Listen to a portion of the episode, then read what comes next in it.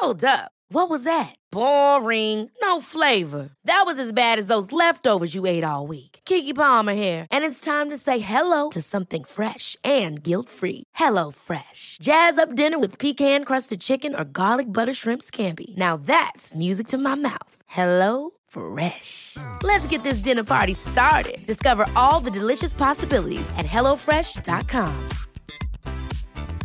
Hey, I'm Ryan Reynolds. Recently, I asked Mint Mobile's legal team if big wireless companies are allowed to raise prices due to inflation. They said yes. And then when I asked if raising prices technically violates those onerous two year contracts, they said, What the f are you talking about, you insane Hollywood ass? F- So to recap, we're cutting the price of Mint Unlimited from $30 a month to just $15 a month. Give it a try at mintmobile.com slash switch. $45 upfront for three months plus taxes and fees. Promo rate for new customers for limited time. Unlimited more than 40 gigabytes per month. Slows. Full terms at mintmobile.com. Millions of people have lost weight with personalized plans from Noom, like Evan, who can't stand salads and still lost 50 pounds. Salads, generally, for most people, are the easy button, right? For me, that wasn't an option. I never really was a salad guy. That's just not who I am. But Noom worked for me. Get your personalized plan today at Noom.com. Real Noom user compensated to provide their story. In four weeks, the typical Noom user can expect to lose one to two pounds per week. Individual results may vary.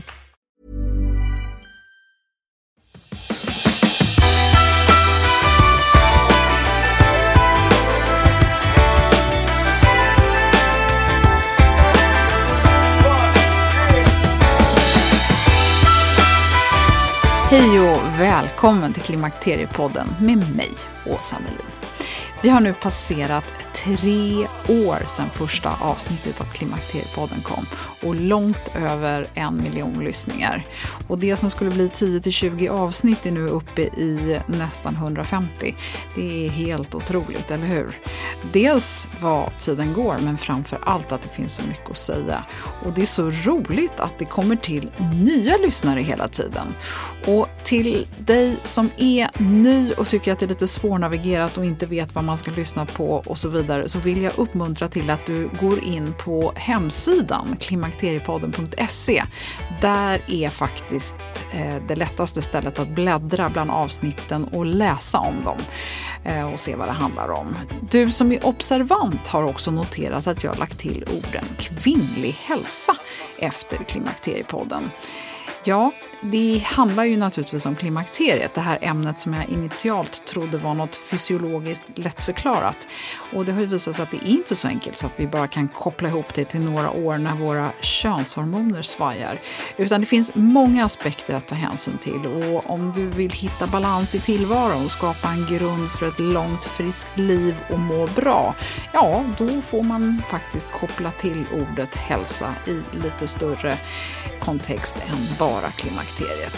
Och oavsett vad du är, hur gammal du än är och hur du mår så går det att göra någonting. En person som började sitt sökande när livet inte kändes på topp mitt i förklimakteriet är Maria Borelius. Det blev starten till vad som har blivit en hälsorevolution. Nu är det tre utgivna böcker, så välkommen att lyssna på hennes senaste upptäckter och vad förundran kan göra för oss och hur du kan söka efter det och vad som skapar wow-känslan i dig.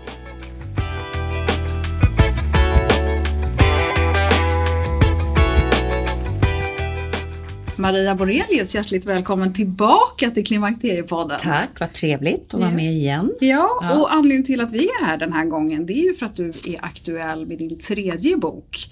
Och eh, du är ju här nu som författare men dessutom arbetar du som kommunikatör, du är konsult och rådgivare i näringslivet och i botten så har du en filkand i naturvetenskapliga ämnen och är vetenskapsjournalist. Och så är du ju fyrbarnsmamma Ja, ja. och du är hustru och du eh, förlänger mellan Stockholm och London Ja, och Skåne. fram, ja och, bor, vi bor i London. Eh, men vi har ett sommarhus i Skåne och sen jobbar jag en del i Stockholm och andra städer också. Ja. Och eh, boken Hälsorevolutionen var ju den första som du skrev och den kom 2018 och så följdes den upp med Bliss och sen nu kom uppföljaren Förundran 2020. Och eh, 2013 var du 52 år när hela hälsorevolutionen började Mm, och det tycker mm, jag är relevant för de som Ja. lyssnar här och nu. Ja, för då var jag ju eh, som alla kvinnor går igenom i det här oroliga förklimakteriet och mådde inte speciellt bra och hade symptom som jag tror är väldigt, vad ska vi säga, allmängiltiga för många då. Jag hade den här molande verken i nedre delen av ryggen som kunde flamma upp ibland och jag mig nästan, jag nästan inte kunde gå ur sängen. Och ehm, jag kände mig låg, inte kliniskt deprimerad men låg. Och jag hade en konstant bilring kring magen som skvalpade runt.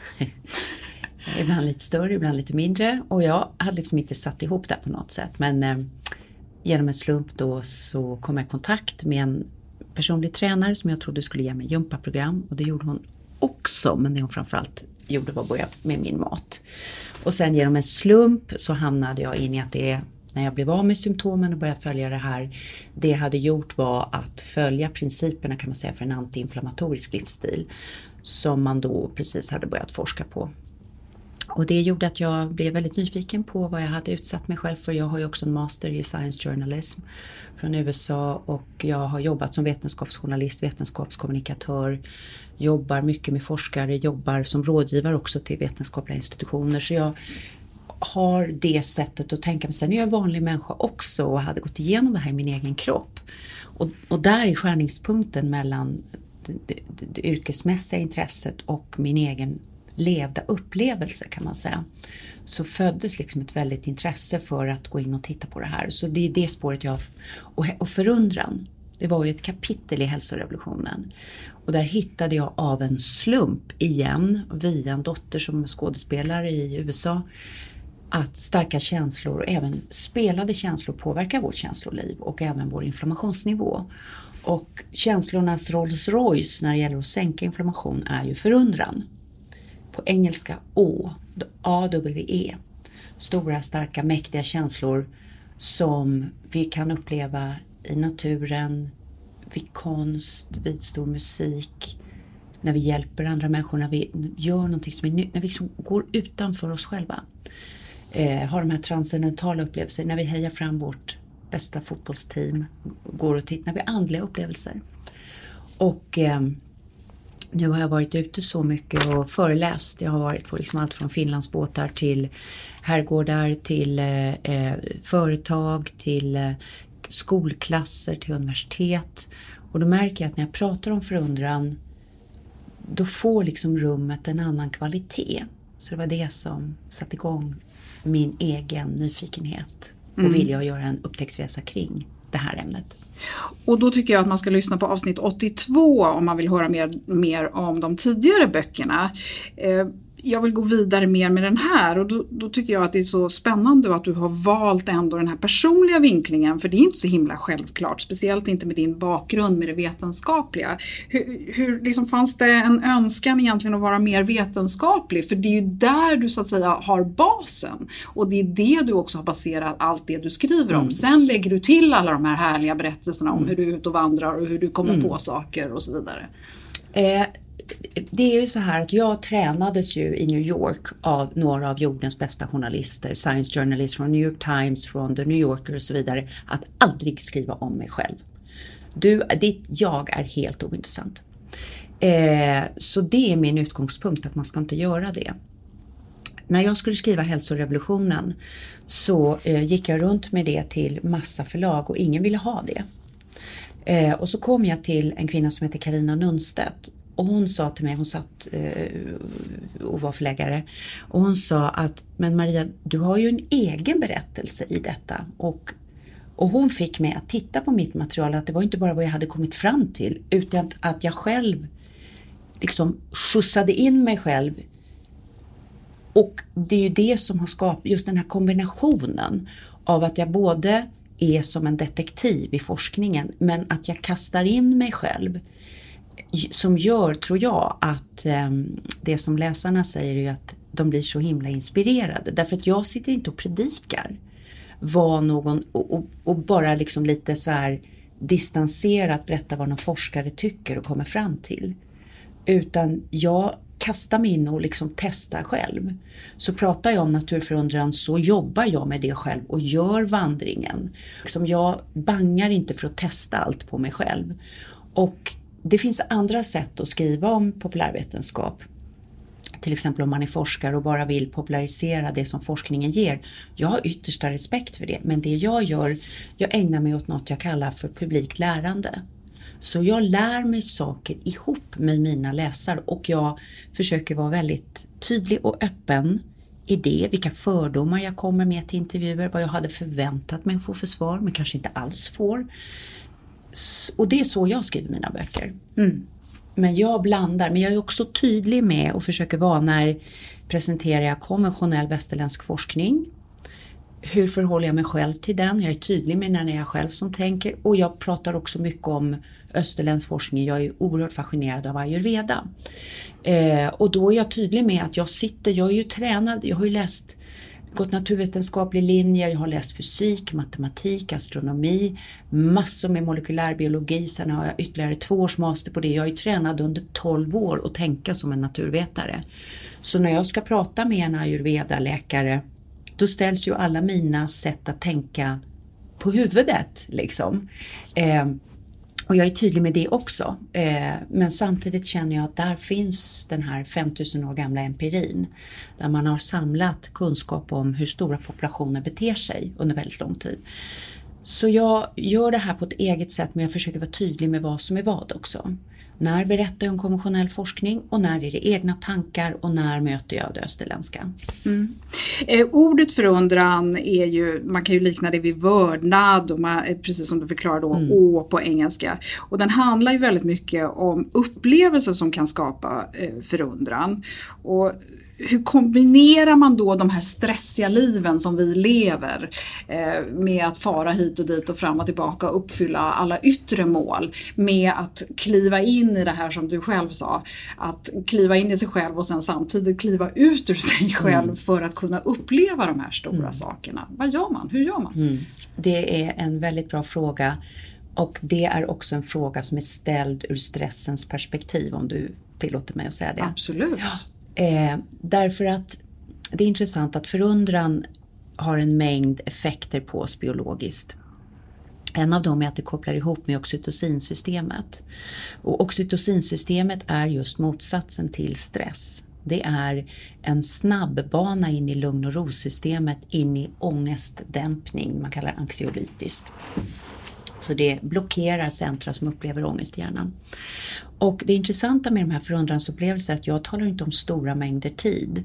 Jag talar inte om att åka i två år på ett buddhistläger i Främre Orienten och skärma av sig. Utan jag talar om att när man går den här promenaden att stanna upp lite extra och när man ser något som är en vacker trädkrona, en solnedgång, kanske möter en liten hundvalp möter en gullig bebis i en, alltså och får den här varma känslan, stora öppna förundranskänslan, stanna i det två minuter extra. Så jag talar liksom inte om att helt lägga om livet utan att bara vara medveten om att det här är inte bara något lite så här utanpåverk utan att vi behöver de här regelbundna små Det här är ju mikrogrejer man gör. Sätt på den här musiken. Eh, jag har ens några låtar på Spotify som är som är såna här snabbvägar in i min musikförundran till exempel. Och det tar två minuter för mig. Och att, att, att veta att vi behöver det här lika mycket som vi behöver ha levererat och tickat i alla de här lådorna. Därför att det här ger oss en snabb återhämtning och det har liksom inflammationssänkande effekter och sen har en mängd effekter på vår hjärna. Och just att när vi är i stressen då är vi i jaget jaget som vill prestera, vill vara duktigt, vill leverera. En av förundranseffekterna är att det, forskarna kallar det för unselving. Det avskälvar oss. Och man kan mäta det i hjärnan på det man kallar default mode network som är nätverket, eller kan man säga hjärnans bakgrundsbrus som hos de allra flesta av oss ligger tyvärr i ett egoläge. Och man kan minst se att bruset i Default Mode Network minskar. Så att jaget minskar, man kan till och med mäta det på PET-kameror till förmån för laget. Så när laget blir större än jaget, det är en förundranseffekt. Och vi kan också se hur det kopplar ihop med de här oxytocinsystemen och där har du oxytocin har i sin tur en mängd hälsofördelar, hjärt-kärleffekter, sårläkning, ångestdämpning och så vidare. Va? Eh, och du har också andra effekter kring förundran som till exempel man kan se att om man låter en grupp människor som har väldigt olika politiska åsikter om känsliga frågor, dödsstraff, invandring, det här som folk går igång på i vanliga fall. Och så låter man dem krama såna här redwood, nu, står, nu sitter jag här med armarna rätt ut, eh, eh, krama såna här stora redwoodträd. Det här är ja. forskning som görs på Berkeley i San, San Francisco, University of California. Man låter dem krama de här träden och titta upp i kronorna ihop i den här gruppen. Och sen det ger ju en väldigt stark känsla av de här träden är så gamla, de är så mäktiga, det är stort. Va? Och sen låter man dem få prata om de här jobbiga ämnena. Och då kan man se att det kommer en ny chans att ta in varandra. Hur, liksom istället för att säga du är en idiot, säga jaha, hur tänker du? Mm. Varför vill du ha dödsstraff? Man öppnar upp sinnet. Man öppnar för... upp sinnet och det finns liksom en slags nivå bortom ordens nivå och bortom debatternas nivå som är en slags annan nivå om samhörighet och vilja att ta in andra människor. Så att det tycker jag också är spännande. Man kan också se att efter starka förundransupplevelser så när forskarna då säger att de ska betala folk som varit med i den här studien, de vet inte med att de, det är det de mäter, men då väljer de upplevelser mer än pengarelaterade grejer. Så man vidgas liksom från upplevelse snarare än materialism mm. efter förundranupplevelser. Så där verkar någonting hända i hjärnan också. Nej, för det pågår ju väldigt mycket spännande forskning, forskning om det här just nu och du väver in det väldigt bra i mm. boken och mm. även nu när du talar. Jag tycker ett spännande parti handlar mycket om det här som är lite samma som du pratar om nu, det här mm. med arbete, skapa flow och hur olika personlighetstyper passar ihop och driva, eh, driva olika mm. projekt och sådär. När du tittar på arbetsplatser där du ofta är konsult och du kommer in mm. utifrån. Hur, hur ofta tror du man tar hänsyn till det här? Där har jag jobbat ihop med en organisationskonsult. Så det, och det var så att jag började tänka om jag skriver om förundran, vad är det som är icke-förundran i våra liv? Det vill säga stressens landskap, vad är det som skapar stress? Och när jag är i kontakt med väldigt mycket läsare, det är ju mycket arbete som skapar stress. Man ska säga relationer hemma som är dåliga och som man känner ansvar för och problem på jobbet. Det är ju det, vanliga grejer.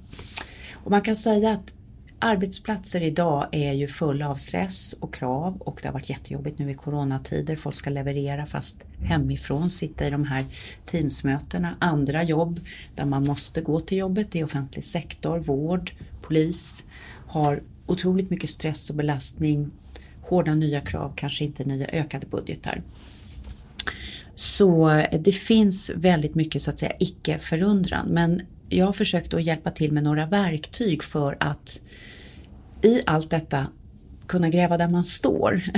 Eh, man kan inte påverka allt på sitt jobb men man kan genom några verktyg skapa lite större flow, lite större glädje kring sitt eget arbete. Eh, och det första där är, är ju att först lära känna sig själv. När är man som bäst på sitt jobb? Är du som bäst när du gör podd till exempel? Ja, kanske det är.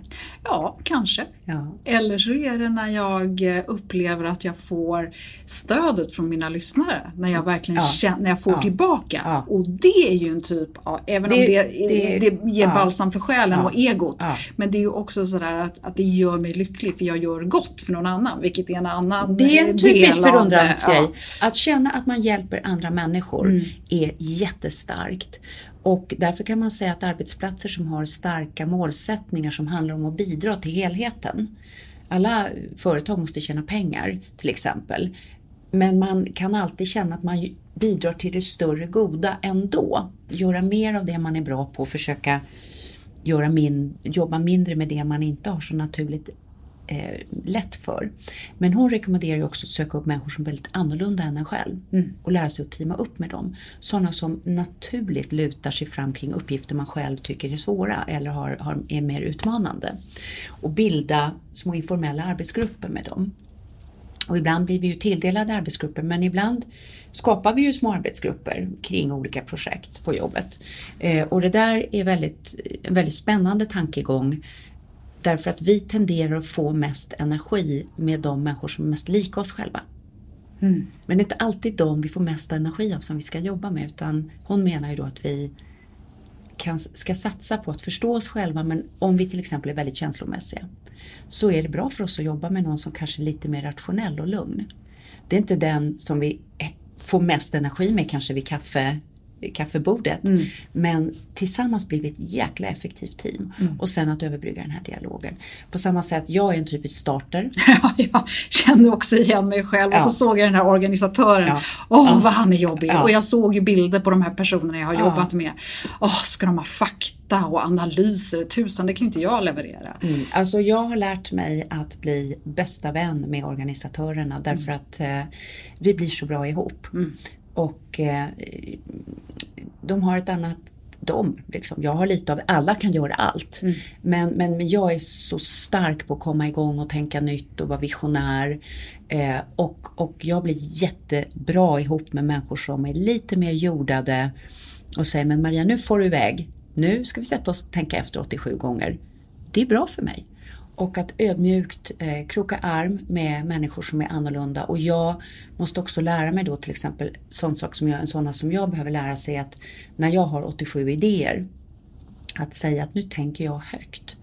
För att den som är mer organisatoriskt lagd tänker ha allt det här ska vara genomfört om en vecka och blir superstressad av det kan uppfatta det som liksom ett maktspel, att man pressar. Och att säga istället, nu tänker jag högt. Och att vad i allt det jag pratar om är realistiskt, vad kan vi få gjort?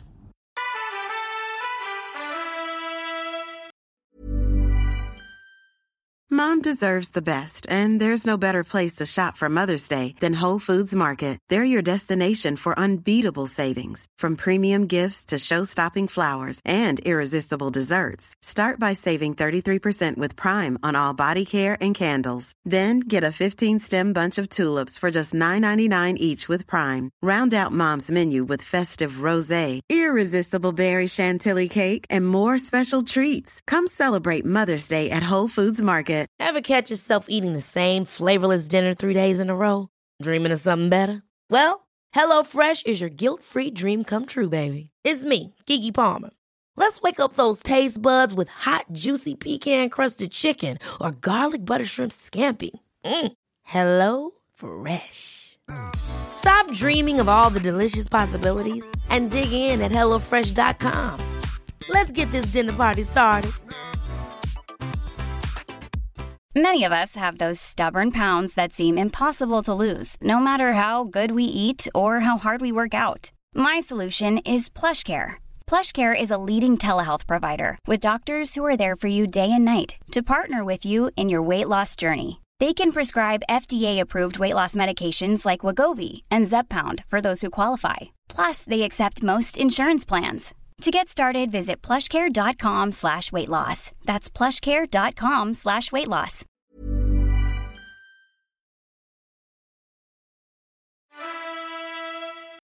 Jag är nyfiken på lite mer exempel för jag tänker så här, det finns ju människor som skapar förundran. Men situationer, för den som nu vill ha några så här heta små eh, tvåminutrare, vad, vad skulle du då, förutom att gå ut i skogen och krama träd, vad, vad, vad, bara exempel så att man kan På se saker. sig själv. Ja. göra.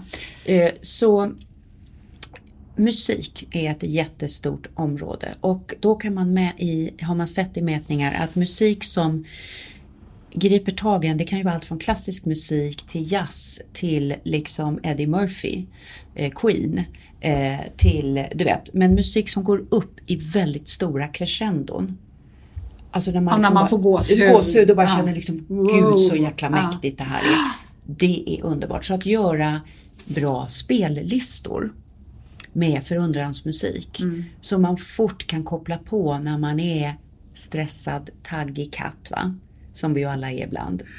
Att liksom att gå in i det landskapet, för musik är ju en väldigt snabb väg in i nervsystemet.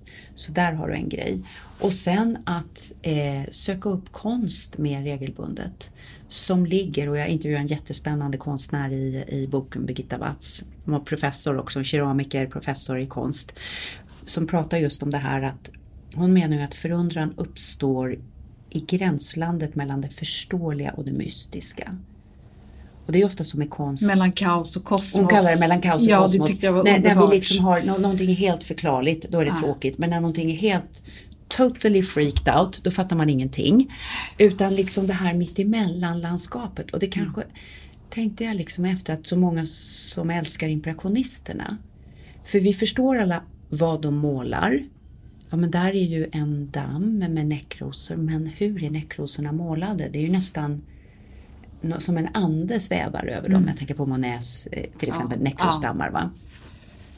Så där har du en grej, men också att göra gott för andra och det kan ju vara allt från småsaker, hjälpa någon med rullator över gatan till att vara engagerad. Röda kors, Korset, är det scoutrörelsen, är man Hem och skola, är man eh, liksom Hemvärnet, är man Greenpeace, är man Amnesty.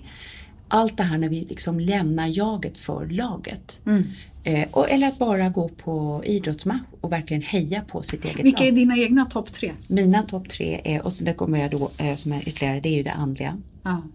Som är jätte, bara växer och växer för mig. Och sen har jag musiken och så har jag naturen.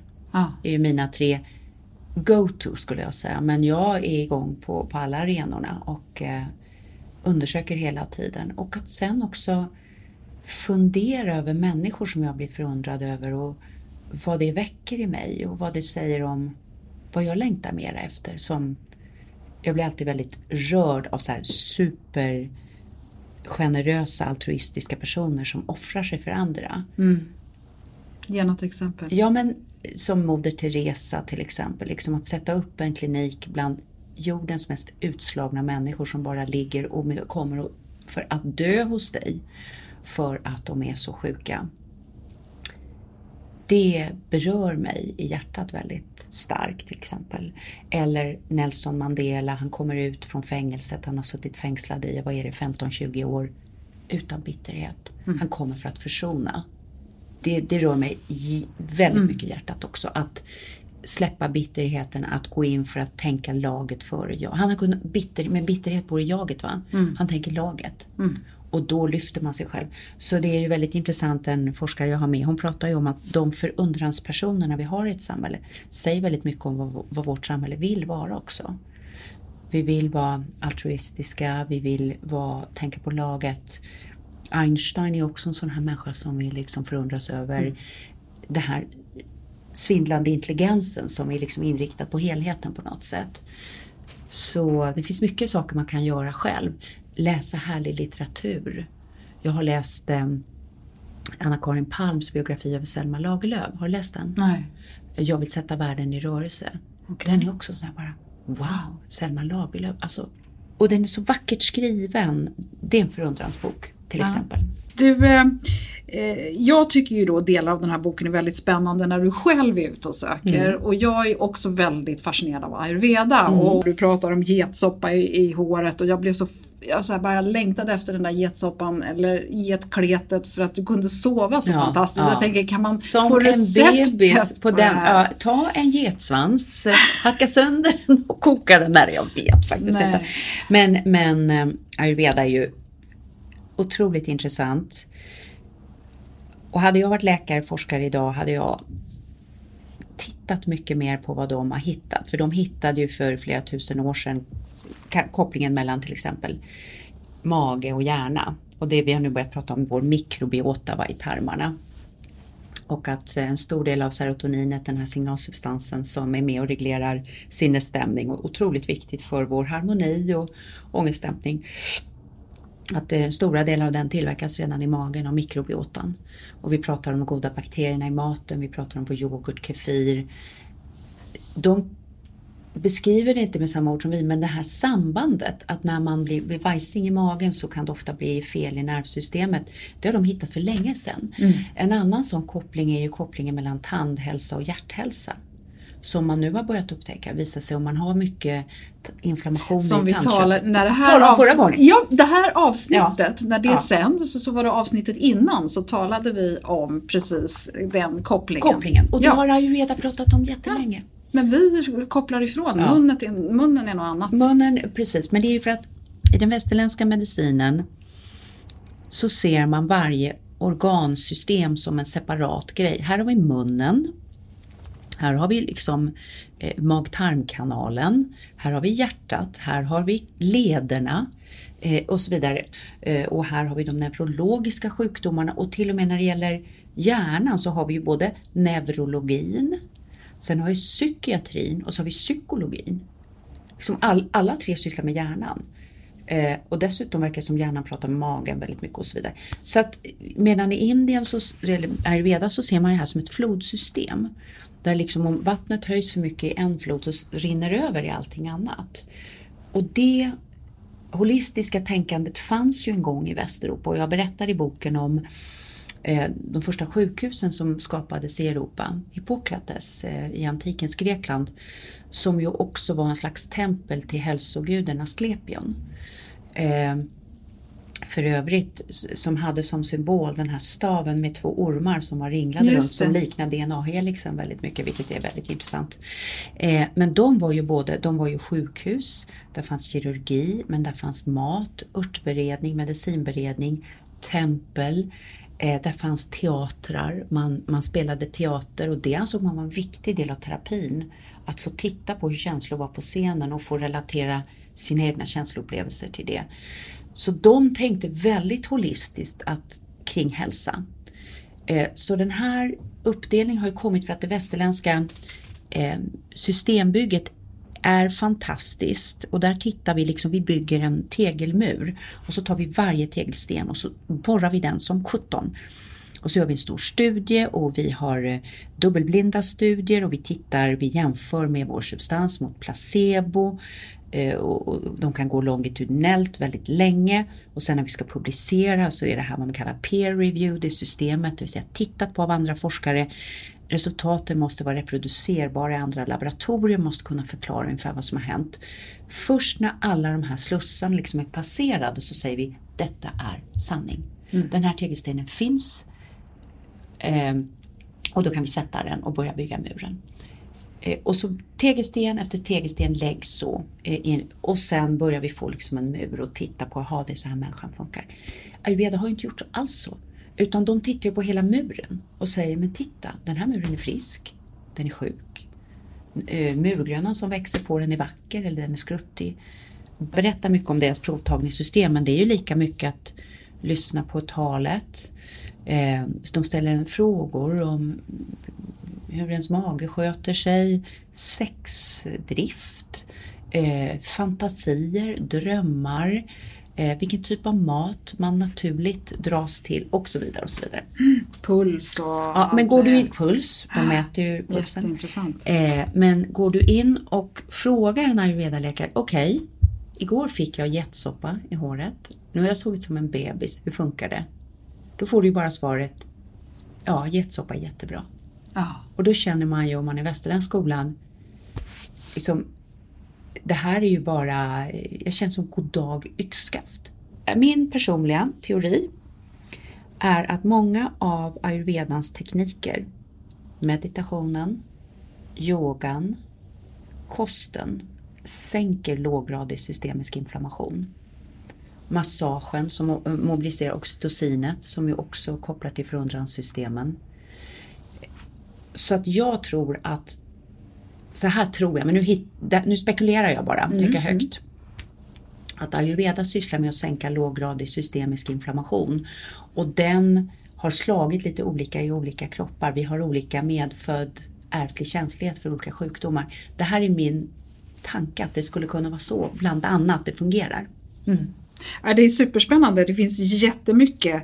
Eh, jag vill, vi ska komma mot slutet här Ja. nu, men jag är så nyfiken på hur du personligen har Alltså när du skrev hälsorevolutionen, Ja. den trycktes i några få tusen exemplar. Tog slut direkt. Och har sålts i, nu har du sålt böcker i flera hundratusen Ja. exemplar. Och eh, det var ju inte det som kanske var första känslan men nu har ju du blivit ett ansikte för den här hälsorevolutionen. Hur är det att leva med det här? Alltså det är ju helt oväntat och jag skrev inte den för att liksom sälja utan jag bara hade en historia inom mig som bubblade om du känner. Jag bara känner jag måste dela med mig av det här för att det här är, det är så konstigt, det är så knäppt, det är så fantastiskt det jag varit med om. Jag är bara i ett flöde, jag bara känner att jag ska göra det här nu. Och jag är väldigt ödmjuk för jag får som du, du får väldigt pepp av dina lyssnare. Jag får otroligt mycket inspiration av, av läsarna och jag har varit ute och träffat dem mycket och jag är så gammal också och jag har varit med om så mycket stökiga, jobbiga, skitsvåra grejer i livet. Så att liksom jag går inte omkring och tror att jag är något av det här om du förstår vad jag menar utan liksom är bara väldigt, jaha, var det det här livet tyckte jag skulle hålla på med just nu? Ja, uppenbarligen. Jag tänker på hälsoaspekten, Ja. att du nu måste liksom ha, vara ansiktet för den antiinflammatoriska livsstilen. Ja. Du kör ju, eh, du är ju öppen med att säga att du Ja. kör lite 80-20 Ja. och det tycker jag är hälsosamt eh, att tänka så. Absolut. Men, men när du har dina svackor, vad händer då? Vad händer då? Eh, när jag har mina svackor så frossar jag i rostade mackor eh, med massor med smör. Det tycker jag är skitgott. Och jag kan gilla att äta liksom goda efterrätter. Under coronatiden så lärde jag mig att göra en jättebra pavlova som är sån här stor maräng med massor med socker i och grädde och bär och grejer. Men du vet, liksom jag tycker inte att livets mål och mening är att gå runt och vara maximalt hälsosam. Jag tycker det är ett medel för att leva ett rikt liv. Alltså att bra hälsa är ett medel för något större. Och ibland i det större ingår att jag gillar party, jag gillar att hänga med mina kompisar, jag gillar att dricka vin. Jag är liksom en ganska social människa. Och det tycker jag är, jag måste leva ett helt liv. Så att man får inte vara en sån här som folk inte kan bjuda hem för de bara, åh, då måste jag laga speciella grejer. Jag äter allt när jag går bort och tycker det är jättegott. Mm. Du avslutningsvis då, eh, nu har du eh, levt den här resan mentalt och fysiskt eh, och eh, där du är idag. Och vad, vad tror du ändå så här, vad, vad är de viktigaste nycklarna med att bli äldre? Jag tänker på mina lyssnare här nu som är kvinnor 40 plus. Ja, Eh, samma ålder som jag. Jag har fyllt 60 i sommar. Ja, ja du ser, det, tiden går. Men eh, just det här att det liksom, vi, har, vi har så många år framför oss Ja, och vi vi, har så- så och- mycket att ge och, och många hamnar lite snett här under Ja, klimakterieåren. man tappar självförtroende, eh, verkligen. Eh, och eh, det är mm, så lätt att det händer och jag var själv där. Jag har full förståelse för det. Det intressanta är att med den här livsstilen, jag är ju starkare idag när jag var 30 i vad jag lyfter för tyngd. Alltså liksom mentalt, jag är glad, jag är, det är som att man får en ny, en chans till på något sätt. Men jag skulle säga att de viktigaste nycklarna är daglig rörelse. Eh, att röra på sig varje dag behöver inte vara maniskt men så man kommer igång och svettas lite grann. Och eh, den andra är att liksom byta ut sockret mot mer grönsaker. För det där att socker äter livslust på alla sätt. Det går in och påverkar vår inflammationsgrad enormt. Medan grönsaker, jag skriver om det väldigt intressant, att grönsaksätande i sig mellan 5 till 7 portioner om dagen höjer livskänsla, höjer kreativitet, höjer känsla av mål och mening i livet. Klarar liksom förundranseffekter och är ju med och sänker den låggradiga inflammationen via de här polyfenolerna, undergruppen i antioxidanter. Så andra är byt ut sockret mot mer grönsaker och det, behöver inte bara vara stora sallader, men lagade grönsaker, härliga. Jag håller på jättemycket med grönsakssoppor. Det är jättegott och då får man i sig ton grönsaker. Eh, och det tredje skulle jag säga att varje dag unna sig en liten stund aktiv vila eller förundran. Är det lite härlig musik? Är det lite mindfulness? Alltså det här att liksom få släppa ett tag. Att man, vi behöver inte känna att vi, vi är ridna av maror utan att livet är faktiskt ganska härligt att leva ibland också. Det skulle jag säga är de tre viktigaste nycklarna för mig i alla fall. Härligt. Mm. Det är härliga saker alla. Ja, ja, precis. Vi vill alla ha dem men vi mm. kanske inte är så duktiga på att prioritera alla Nej. gånger Nej. och sen så blir det det här andra som kommer emellan. Men det här är en bra tid på året tycker jag också att precis. skapa nya vanor ja. och komma igång. Och coronan gör saker och ting lite konstigt. Sist vi såg så var vi på en Finlandsfärja. Det känns ju helt absurt. Ja. Att sätta sig på en båt just nu är ju så långt borta. Ja, nej men det är 800 men, personer liksom eh, och nu Nej, världen har verkligen varit crazy. Men det är en bra tid att experimentera med lite ny mat. Ja. Du, ska jag ge receptet på en bra grönsakssoppa? Ska jag ja, säga exakt? Ja, ja. perfekt. Ja. Då avslutar vi med det. Tusen tack Maria för eh, din tid. Du är i Stockholm nu och far runt och är med på massor med intervjuer och TV och eh, så. Och mm. jätteroligt mm. att du hade tid att träffa mig och ville dela din historia med Klimakteriepoddens lyssnare. Mm, tack idag. för det. Tack för det. Tack.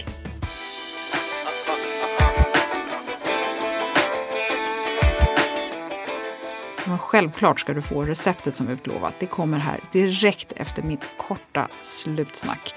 Och det finns också på Instagramkontot Klimakteriekocken.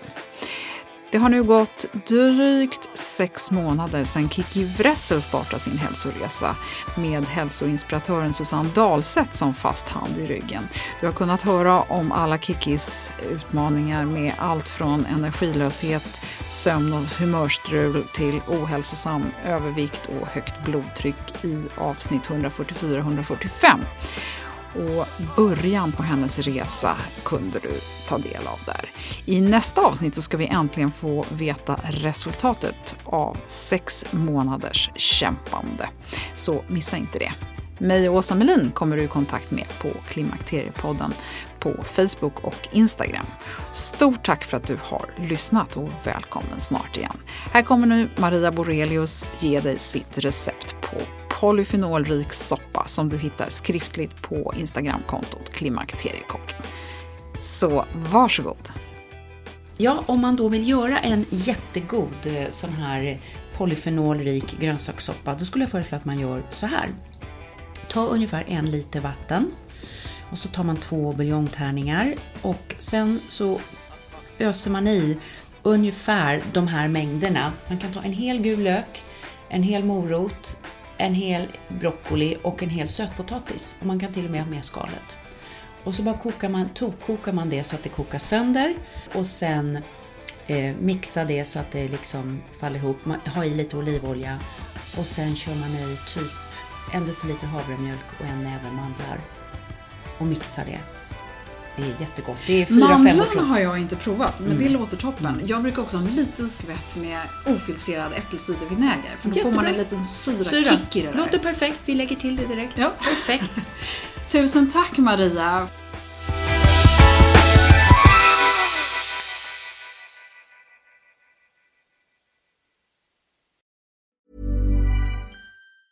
Hi, I'm Daniel, founder of Pretty Litter. Did you know cats tend to hide symptoms of sickness and pain? I learned this the hard way after losing my cat, Gingy. So I created Pretty Litter, a health monitoring litter that helps detect early signs of illness by changing colors, saving you money and potentially your cat's life. Pretty Litter is veterinarian developed, and it's the easiest way to keep tabs on your fur baby's health right at home. Go to prettylitter.com and use code ACAST for 20% off your first order and a free cat toy. Terms and conditions apply. See site for details. Ever catch yourself eating the same flavorless dinner three days in a row? Dreaming of something better? Well, HelloFresh is your guilt free dream come true, baby. It's me, Gigi Palmer. Let's wake up those taste buds with hot, juicy pecan crusted chicken or garlic butter shrimp scampi. Mm. Hello Fresh. Stop dreaming of all the delicious possibilities and dig in at HelloFresh.com. Let's get this dinner party started. Hey, it's Paige DeSorbo from Giggly Squad. High quality fashion without the price tag? Say hello to Quince. I'm snagging high end essentials like cozy cashmere sweaters, sleek leather jackets, fine jewelry, and so much more. With Quince being 50 to 80% less than similar brands. And they partner with factories that prioritize safe, ethical, and responsible manufacturing. I love that. Luxury quality within reach. Go to quince.com slash style to get free shipping and 365 day returns on your next order. Quince.com slash style.